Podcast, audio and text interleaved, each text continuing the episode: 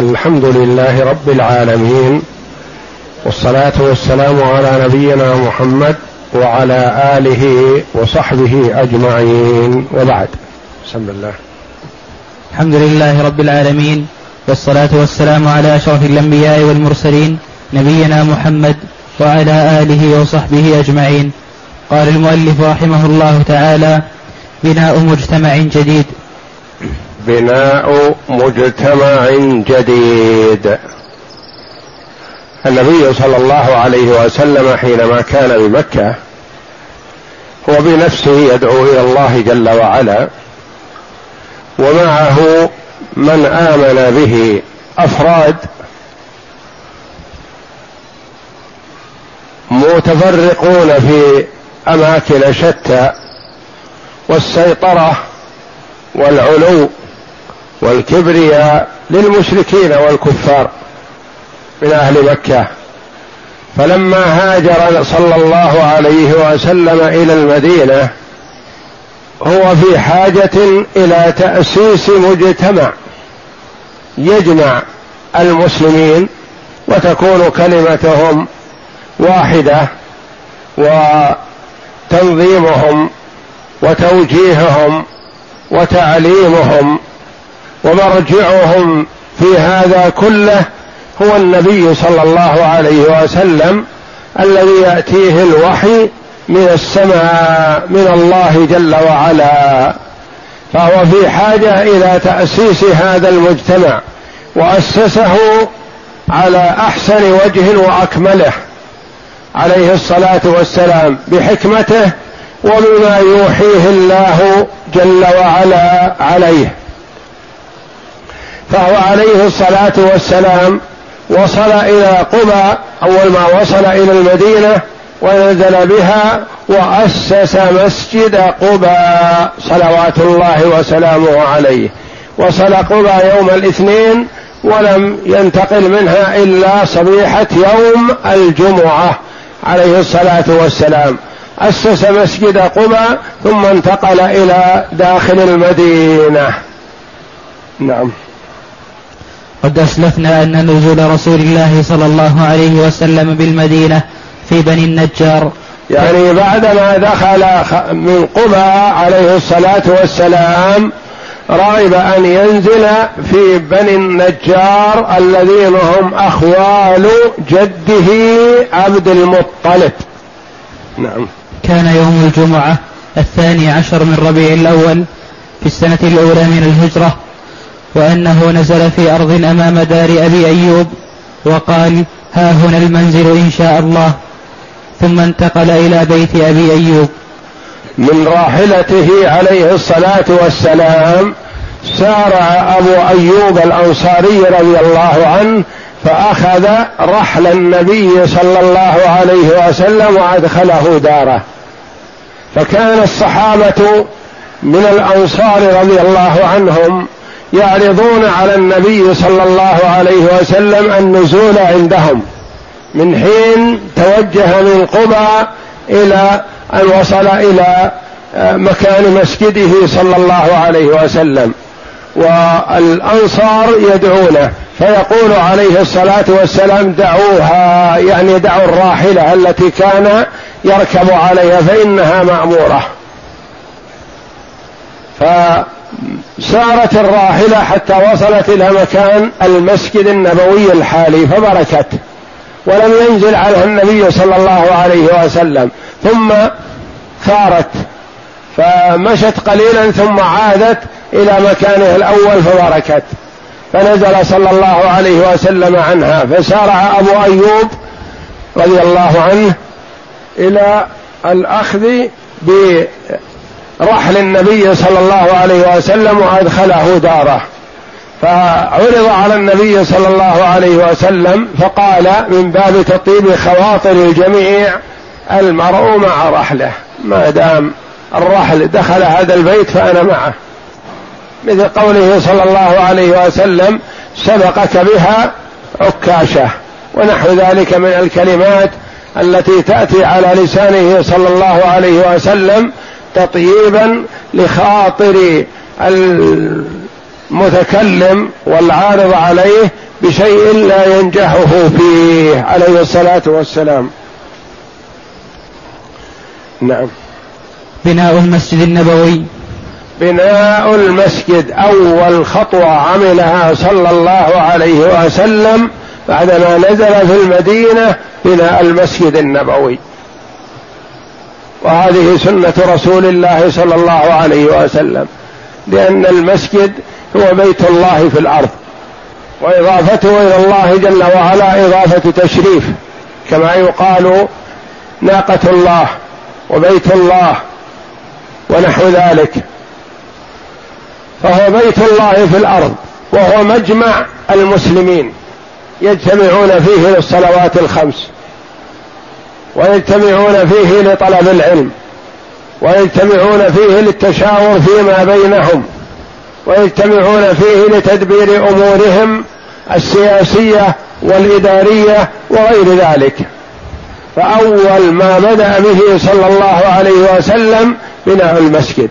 وهكذا ينبغي للمسلمين أن يأخذوا بهذه السنة خلافا لما عليه أكثر الجهات الآن.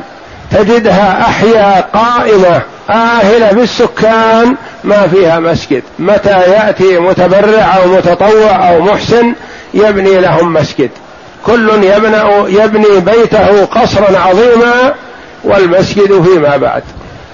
وهذه مصيبة وتورث عند الناس التساهل في صلاة الجماعة. بعض من ينتقل إلى الأحياء الجديدة تجد قبل أن ينتقل هو محافظ على صلاة الجماعة لأن بيته خطوات عن المسجد وقريب من المسجد ونشأ على هذا. ثم ينتقل إلى هذا الحي الجديد فيتلفت يمينا وشمالا فلا يجد المسجد فيصلي في داره. ثم يستمر هذا لو بني المسجد فيما بعد تجده يتثاقل ويتشاغل ويصلي في داره. وهذه مصيبة. وكان الواجب على المسلمين التعاون في مثل هذا وتأسيس المساجد قبل تأسيس البيوت. فهو عليه الصلاة والسلام أسس بيت الله ومسجد المسلمين قبل أن يبني بيته عليه الصلاة والسلام. نعم. وأول خطوة خطاها رسول الله صلى الله عليه وسلم بعد ذلك هو إقامة المسجد النبوي ففي المكان الذي بركت فيه ناقته أمر ببناء هذا المسجد. وفي المكان الذي بركت فيه الناقة لأنها مأمورة تساق من قبل الملائكة. فبركت في مكان مهيأ قبلته إلى المسجد إلى البيت الحرام وإلى بيت المقدس. فأسس أولا القبلة إلى جهة بيت المقدس إلى جهة الشمال. ثم لما أنزل الله جل وعلا تحويل القبلة تحولت إلى جهة الجنوب والمسجد هو هو.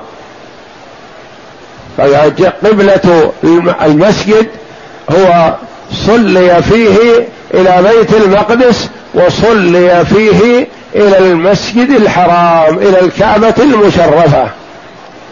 وكثير من مساجد المدينة صلي فيها هكذا. لكن فيه مسجد في المدينة يقال له مسجد القبلتين هذا في صلاة واحدة. استقبلت فيه القبلتان.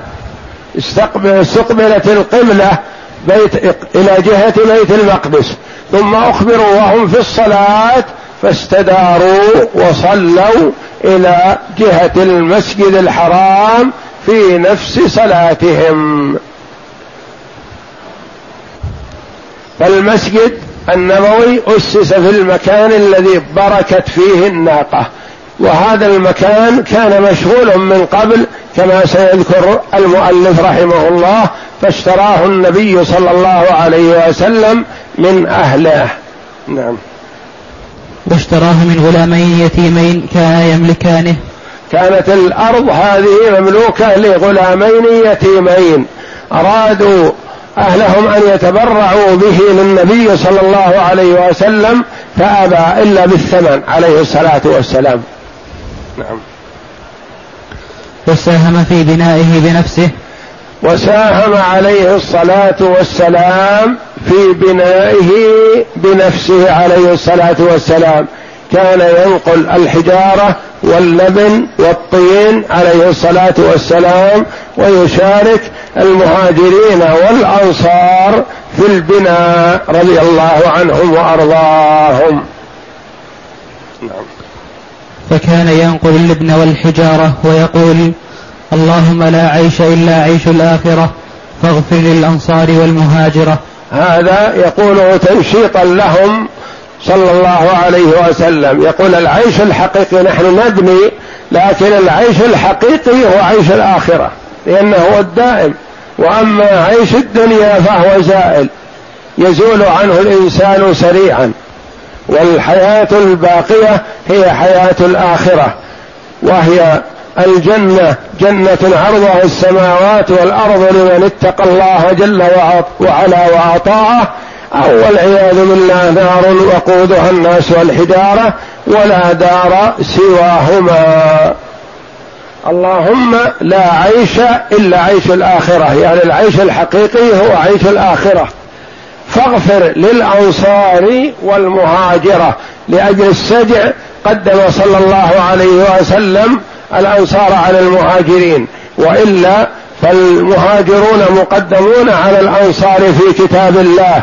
كلما جاء ذكر المهاجرين والأنصار المهاجرون اولا ثم الأنصار بعد ذلك وما استدل به أبو بكر رضي الله عنه على أن الإمارة بعد النبي صلى الله عليه وسلم يجب أن تكون في المهاجرين. قال قدمنا عليكم في كتاب الله.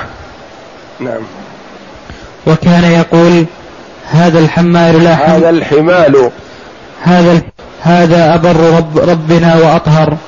هذا الحمال. الحمال التحميل. يعني العمل والجهد والمشقة. هذا الذي يرجو الإنسان نفعه وثوابه عند الله. لا حمال خيبر لأن خيبر يحمل منها التمر ويجلب على المناطق. فكانت خيبر مكان الزراعة والنخيل. والتحميل منها يوزع على الأقطار متعددة. فيقول عليه الصلاة والسلام العمل والمشقة والتحميل والحمل في هذا في بناء المسجد هو الذي يرجى ثوابه عند الله لا ثواب لا عمل التجارة والكسب. وقد قال عليه الصلاة والسلام من بنى لله مسجدا ولو قدر مفحص قطات بنى الله له بيتا في الجنة. ومعلوم أن مبحث القطات يعني الذي تكون فيه وتهيئه لبيضها لا يتسع للمسجد لكن إخبار من النبي صلى الله عليه وسلم بأن المساهمة والمشاركة والبذل في المسجد ولو كان شيئا يسيرا فإن الله جل وعلا وعد من قام بذلك بهذا الثواب العظيم عنده في الدار الآخرة. من بنى لله مسجدا ولو قدر مفحص قطات بنى الله له بيتا في الجنة. نعم وكان ذلك مما يزيد نشاط الصحابة في البناء حتى إن أحدهم لا يقول حتى إن أحدهم. حتى إن أحدهم لا يقول لئن قعدنا والنبي يعمل لذاك منا العمل المضلل. المضلل. يعني يقول يرجزونهم يقول ما يليق بنا أن نقعد أو أن نترك العمل والنبي يعمل بنفسه. ويحمل الأحجار والطين واللبن عليه الصلاة والسلام ونحن نستريح ونجلس هذا عمل مضلل عمل ضلال. ما يليق بنا أن نجلس والنبي يعمل. نعم. وكانت في ذلك المكان قبور المشركين وكان فيه خرب ونخل وشجر من غرقد فأمر وكان فيه قبور المشركين يعني كان فيه مكان مقبرة. للمشركين قبل هجرة النبي صلى الله عليه وسلم إليهم. وكان فيه خرب يعني أرض مزروعة محروثة خرب الأرض المحروثة كما ذكر ذلك في النهاية قريب الحديث. ونخل كذلك النخل معروف في هذا الموقع. وشجر من الغرقد شجر من أشجار الغرقد التي هي موجودة في بعض مناطق المدينة في ذلك الوقت ولهذا سمي بقيع بقيع الغرقد الذي هو مقبرة المسلمين من زمن النبي صلى الله عليه وسلم إلى يومنا هذا يسمى بقيع الغرقد يعني كان ينبت فيه شجر الغرقد. نعم. فأمر رسول الله صلى الله عليه وسلم بقبور المشركين فنبشت. وبالخرب فسويت وبالنخل والشجر والشجرة فقطعت وصفت في قبلة المسجد. يعني قبور المشركين القبور التي فيها نبشت وأزيل ما فيها من من الأموات ورفاتهم وأبعد و وبالخرب فسويت. يعني الحفر وأماكن الحرث والزراعة سويت.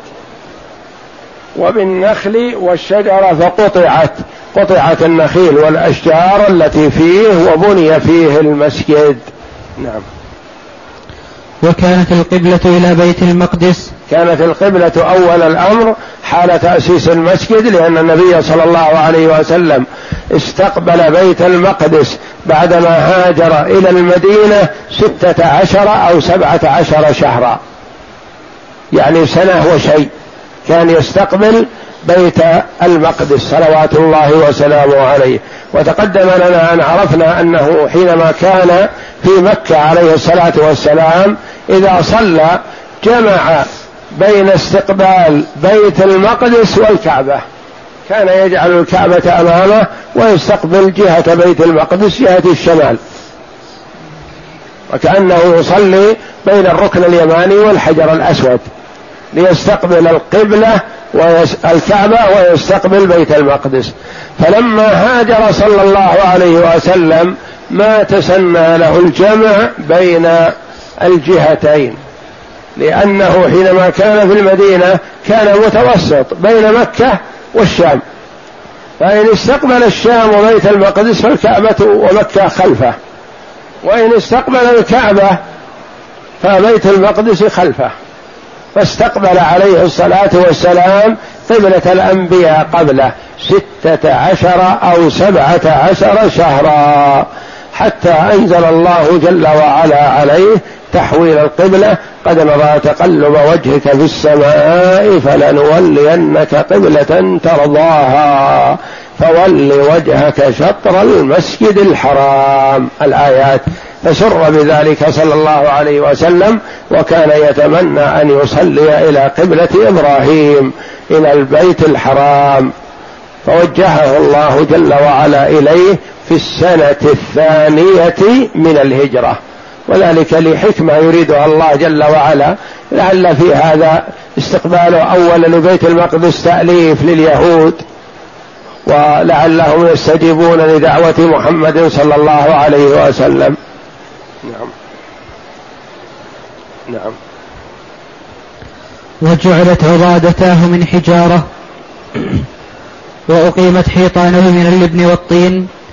يعني بني بالطين والحجارة وجعل أساسه وما يثبته ويقويه من الحجارة. نعم وجعل سقفه من جريد النخل. سقفه من جريد النخل يعني سقف أعمدته من آه أجرام النخل الأعمدة. والسقف أعلاه من الخشب ومن جريد النخل. فهو مسجد متواضع لم يكن فيه زخرفة ولا نقوش ولا شيء من هذا وإنما أخبر وقد أخبر النبي صلى الله عليه وسلم أن زخرفة المساجد ستكون في آخر الزمان وصارت كما أخبر صلى الله عليه وسلم. نعم. وعمده الجذوع وفرشت أرضه من الرمال والحسباء وجعلت له ثلاثة أبواب وطوله مما يلي القبلة إلى مما يلي القبلة إلى مؤخرة مئة ذراع. مئة ذراع وهي معلمة الآن في المسجد النبوي في الأعمدة في أعلاها مكتوب حدود المسجد النبوي.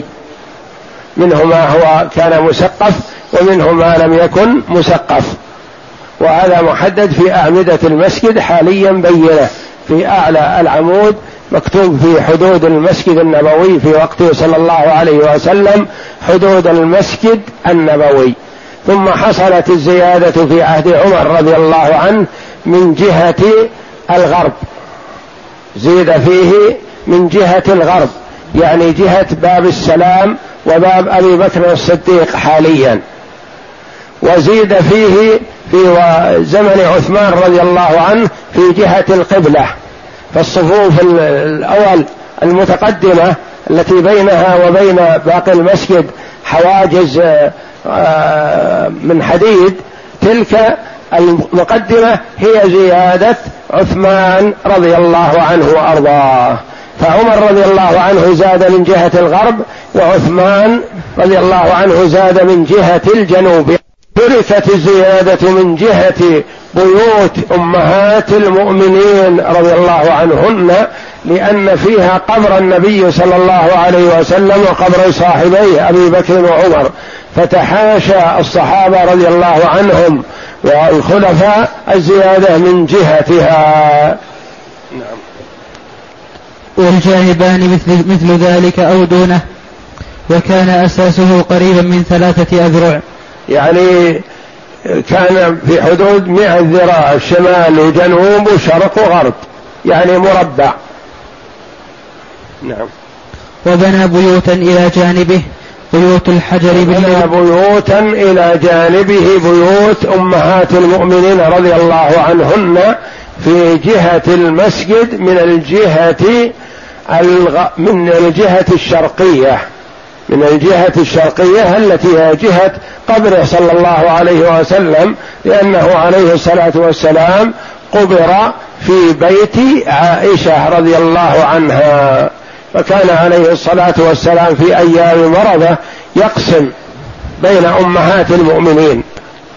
فلما وصل إلى بيت عائشة استأذن بقية أمهات المؤمنين لما ثقل عن الانتقال استأذنهن عليه الصلاة والسلام أن يبقى في في بيت عائشة لأنه شق عليه الانتقال والتنقل بين البيوت وكان يقسم بين بيوت تسعة عليه الصلاة والسلام إلا أن سودة التاسعة رضي الله عنها تنازلت عن حقها لعائشة رضي الله عنها.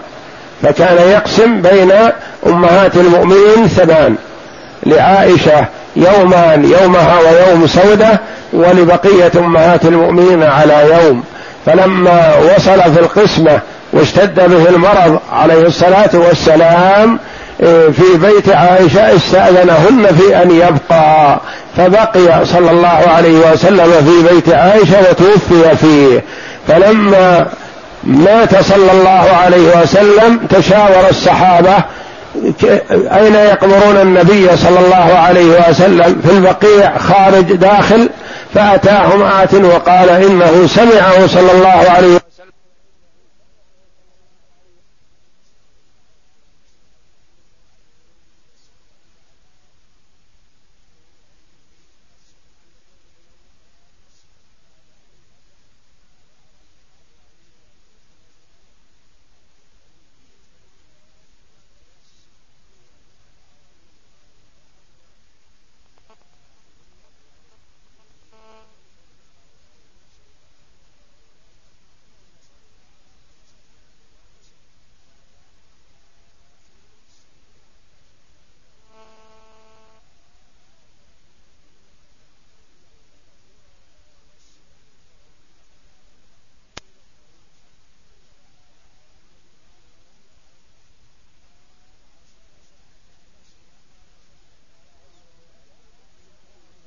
الله عليه وسلم وأبي بكر. نعم. وسقفها بالجريد والجذوع وهي حجر وهي حجرات أزواجه صلى الله عليه وسلم وبعد تكامل الحجرات. بعدما انتقلت هذه بعدما تمت هذه الحجر وحجر صغيرة وقليلة ومتواضعة انتقل صلى الله عليه وسلم من بيت أبي أيوب الأنصاري رضي الله عنه إليها. وكان أول ما نزل في بيت أبي أيوب فنزل في المكان الأرضي. وأبو أيوب هو وزوجته فوق في الدور الأعلى. فقال لأهله رضي الله عنه ما يسوغ أن نكون فوق نؤذي رسول الله صلى الله عليه وسلم بحركتنا. فطلب من النبي صلى الله عليه وسلم أن ينتقل إلى أعلى لينزل أبو أيوب. فقال له النبي صلى الله عليه وسلم إنه يأتينا الناس فالأرفق بنا وبمن يأتي أن يكون في الأرض. وبقي صلى الله عليه وسلم عند أبي أيوب حتى تم بنا حجر أمهات المؤمنين رضي الله عنهن فانتقل إليهن صلى الله عليه وسلم. نعم. وبعد تكامل الحجرات انتقل إليها من بيت أبي أيوب. ولم يكن المسجد موضعا لأداء الصلاة فحسب. يعني ما كان المسجد للصلاة فقط بل له وظائف كثيرة. نعم. بل كان جامعة يتلقى فيها المسلمون تعاليم الإسلام. جامعة يعني يتعلم فيها الصحابة رضي الله عنهم يأخذون الدروس والآيات من النبي صلى الله عليه وسلم ويبين لهم أحكام دينهم ودنياهم. وما يتعلق في عبادتهم وما يتعلق ببيعهم وشرائهم فكلها تشريع. والله جل وعلا تعبدنا بالصلاة والصيام وتعبدنا بالبيع والشراء. فالبيع والشراء عبادة ولا يجوز للمسلم أن يعمل شيئا من البيوع أو من العقود المخالفة لتعاليم الإسلام. وكان عمر رضي الله عنه لما يروى يدخل السوق فيسأل الناس الباعة يسألهم عن أحكام البيع. فمن وجده لا يحسن ولا يعرف أحكام البيع ضربه بالدرة وأخرجه من السوق وقال لا تفسدوا علينا أسواقنا لأنها إذا بيع فيها بالغش والخديعة والحيل والربا والمعاملات المحرمة فسد السوق وفسد الناس وإن فالمسلمون متعبدون لله جل وعلا في جميع شؤونهم. فهو متعبد لله بصلاة وصيامه ومتعبد لله في بيعه وشرائه وفي معاملته مع المسلمين ومع الكفار وفي تعامله مع الجيران وفي تعامله مع الأولاد وفي تعامله مع الزوجات وفي جميع تعامله هو متعبد لله جل وعلا. ما يجوز له أن يخرج عن تعاليم الإسلام.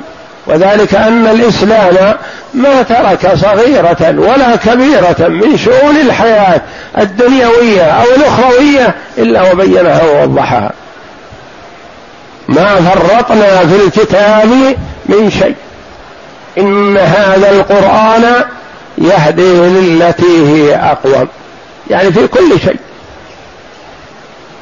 فهم يتلقون التعاليم الدينية والدنيوية وأصول المعاملات وكل شيء يحتاجون إليه من النبي صلى الله عليه وسلم في هذه الجامعة.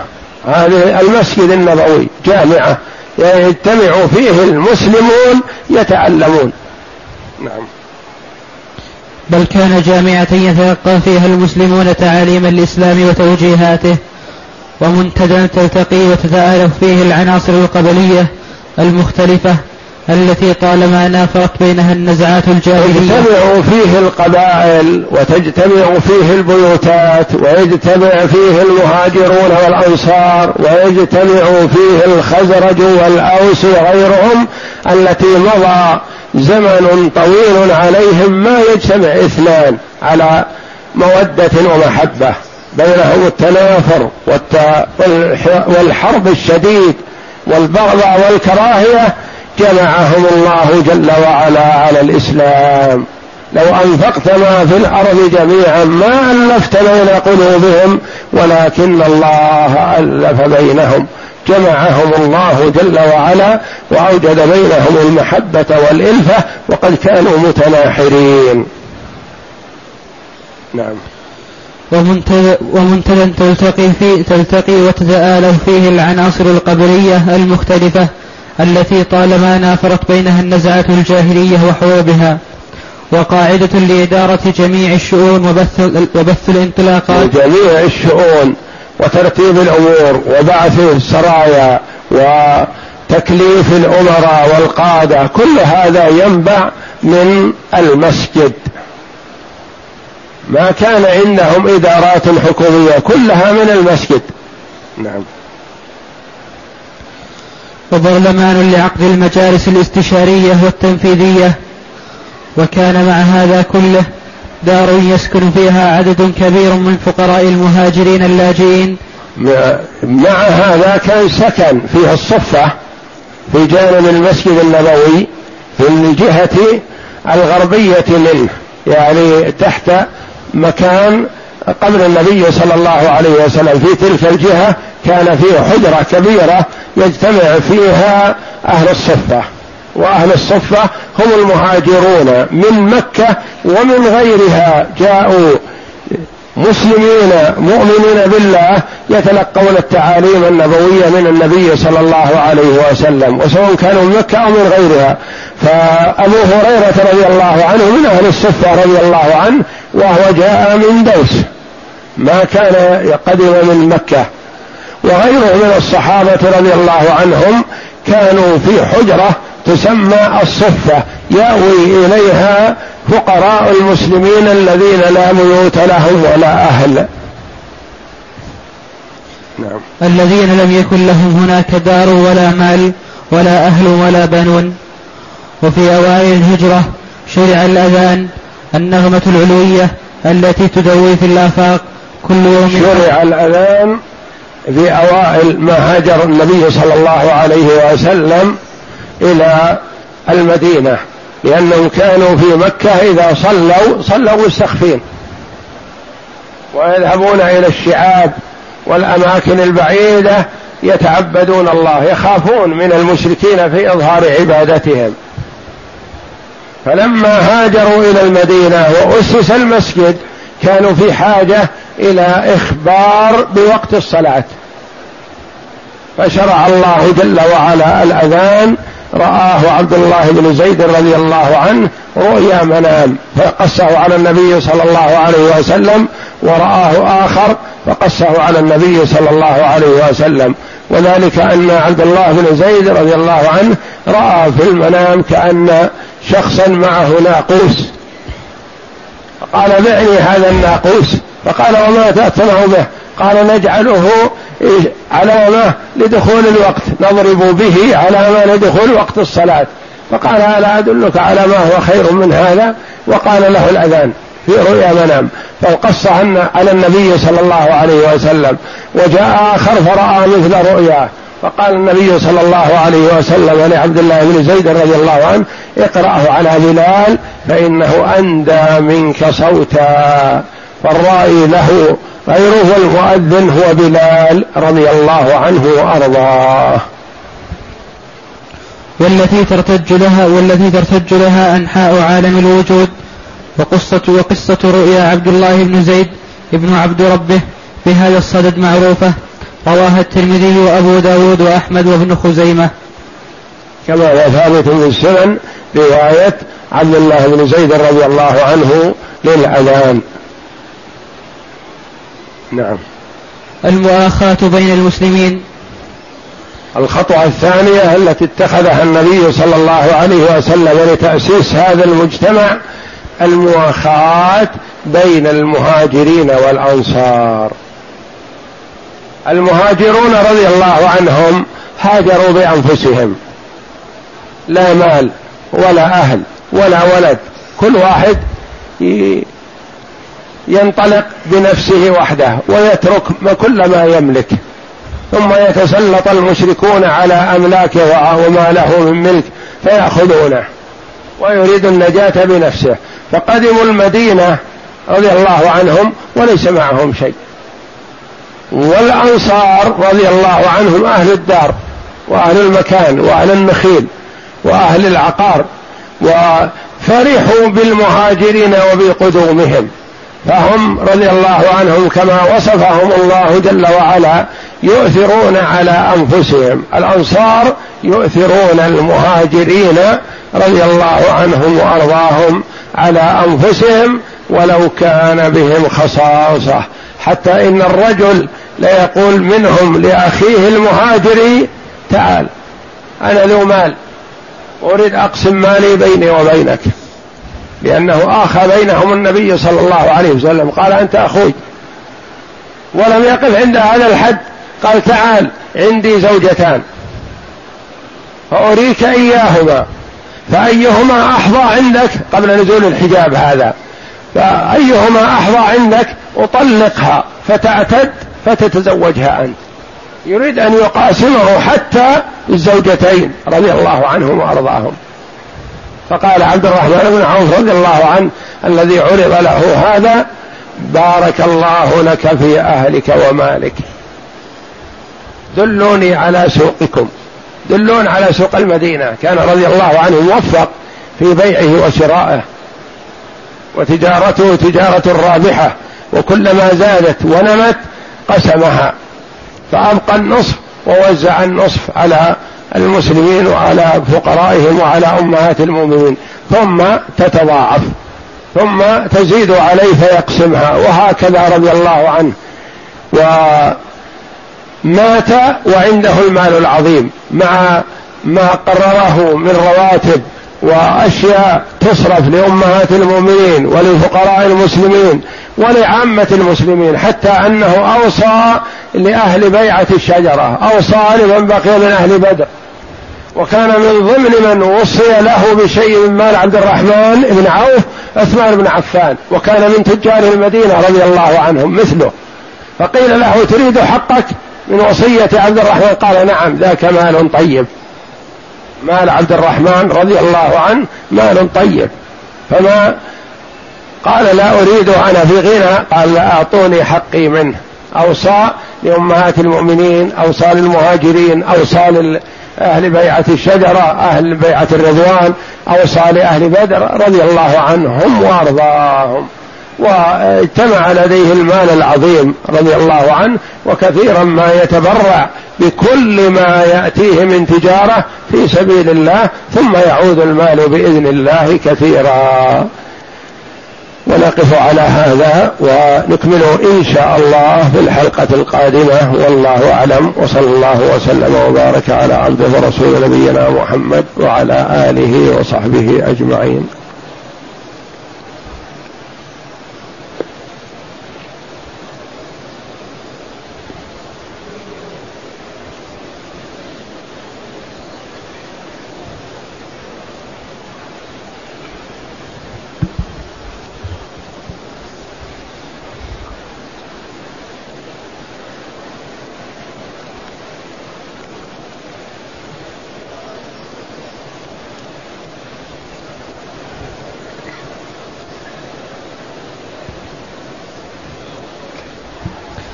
يقول السائل المسجد النبوي به قبر فهل تجوز الصلاة فيه؟ المسجد النبوي كان قبر النبي صلى الله عليه وسلم بجواره ما كان فيه لأن النبي صلى الله عليه وسلم كما سمعنا قبر في بيته وبيته ملاصق للمسجد من الجهة الشرقية. ودفن صلى الله عليه وسلم في حجرة عائشة. وسمعنا زيادة الصحابة رضي الله عنهم في المسجد النبوي. زاده عمر رضي الله عنه لما كثر الناس من الجهة الغربية. ولم يتعرض للجهة الشرقية. زاده عثمان رضي الله عنه من الجهة الجنوبية في قبلة المسجد. فلما كان في زمن الوليد بن عبد الملك أمر بأن تؤخذ بيوت أمهات المؤمنين وما حولها وتدخل في المسجد النبوي. مع كراهية من من العلماء لذلك لكن لله في ذلك حكمة. وجد وسور وأحيط قبر النبي صلى الله عليه وسلم بثلاثة جدران متوازية حتى لا يتهيأ استقباله.